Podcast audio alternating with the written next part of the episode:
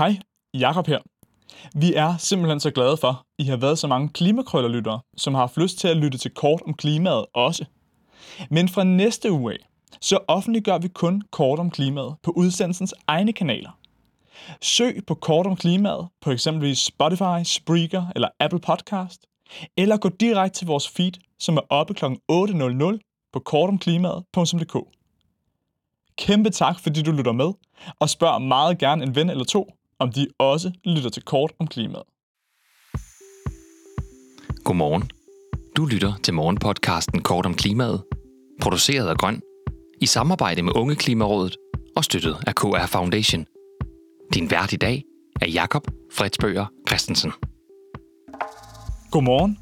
Det er i dag fredag den 16. september, og jeg har udvalgt dagens tre vigtigste klimanyheder til dig. Vi skal lytte til danskernes holdninger til atomkraft.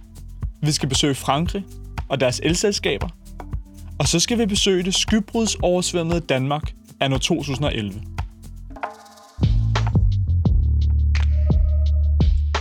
Vi starter i første sektion af dagens politikken. Megafon har lavet en ny meningsmåling, der antyder, at danskerne er blevet mere åbne for atomkraft over de seneste måneder. I marts var kun 39 procent for at have atomkraft på dansk jord, mens det tal i august steg til 46 procent.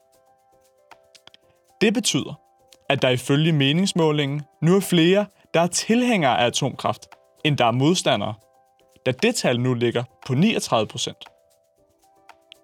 Hvis man undrer sig over, at Megafon så hyppigt stiller det spørgsmål til danskerne om A-kraft, så skyldes det, at det er atomkraftsproducenten Seaborg Technologies, der har betalt Megafon for at spørge igen i august. Betragter man udviklingen i danskernes holdning på længere sigt, er trenden dog klar. Tilbage i 2007 var hele 3 ud af 4 danskere modstandere af kernekraft. Og det var endda før Fukushima-ulykken i Japan i 2011. Professor ved DTU, John Hall, mener endda, at der er potentiale for at overbevise endnu flere danskere. I augustmeningsmålingen fra Megafon er det nemlig kun 58 procent af de adspurgte, der svarer rigtigt på, at atomkraft ikke udleder CO2.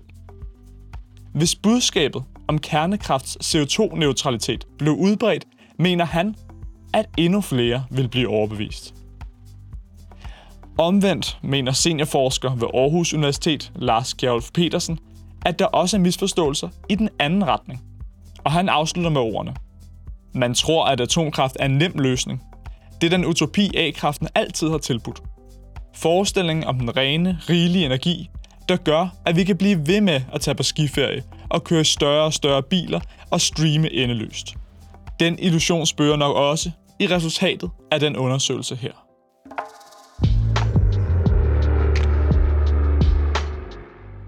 I international nyt skal vi i Energiwatch og til Frankrig, men bliver ved med at se på kernekraft. Ligesom vindmøller nogle gange står stille, så skal atomkraftværker nogle gange vedligeholdes. Og det er hvad flere af de franske atomreaktorer bliver for tiden. Desværre tager det arbejde længere tid end forventet, og strækker sig nu ind i vinteren, hvor det bliver koldere. Og temperaturen har en stor betydning for efterspørgselen på den elektricitet, atomkraftværkerne producerer. For hvert fald i temperaturen i Frankrig på 1 grad Celsius, så stiger efterspørgselen på elektricitet med 2.400 megawatt-timer. Det svarer til produktionen fra to aktive atomkraftværker. Ifølge elselskabet Electricité de France, så påvirkes selskabets indtjening negativt med 215 milliarder kroner på grund af vedligeholdsarbejdet.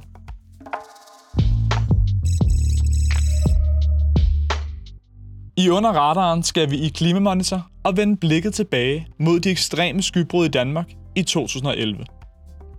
Dengang det skete, talte mange om, at det var et resultat af de generelle klimaforandringer. Men ingen kunne sige det med sikkerhed. I dag er der kommet forskning ud, som styrker mistanken markant.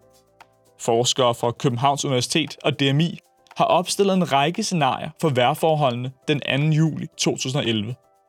Og så har de betragtet, hvordan risikoen for så alvorligt et skybrud ændrede sig, hvis man skruer på temperaturen. De kommer frem til, at de menneskeskabte klimaforandringer fordoblede risikoen for skybruddet den 2. juli. Og sandsynligvis også gjorde skybruddet mere intenst. Nu hvor forskerne var i gang med kontrafaktisk historieskrivning, så undersøgte de videre. Hvis de samme vejrforhold opstod, og temperaturen til gengæld var endnu en grad varmere, hvad ville så ske? I så fald ville skybruddet være så slemt, at Rigshospitalet i København skulle evakueres. En stigning på yderligere 1 grad er ifølge IPCC blandt de mest optimistiske scenarier for fremtidens klima med de nuværende udledningskurver for drivhusgasser.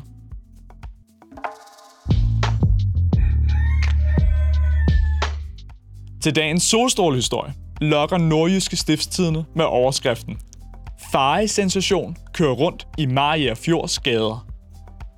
Nyheden dækker over, at Mariager Fjords Kommune har fået landets første store elektriske farebil. Avisen beretter, at entreprenørafdelingen Parker har købt det højteknologiske vidunder for den nette sum af 4,5 millioner kroner. Men den giver så til gengæld også kommunen en CO2-reduktion på 400 tons i løbet af 10 år. Tak fordi du lyttede med til Kort om Klimaet.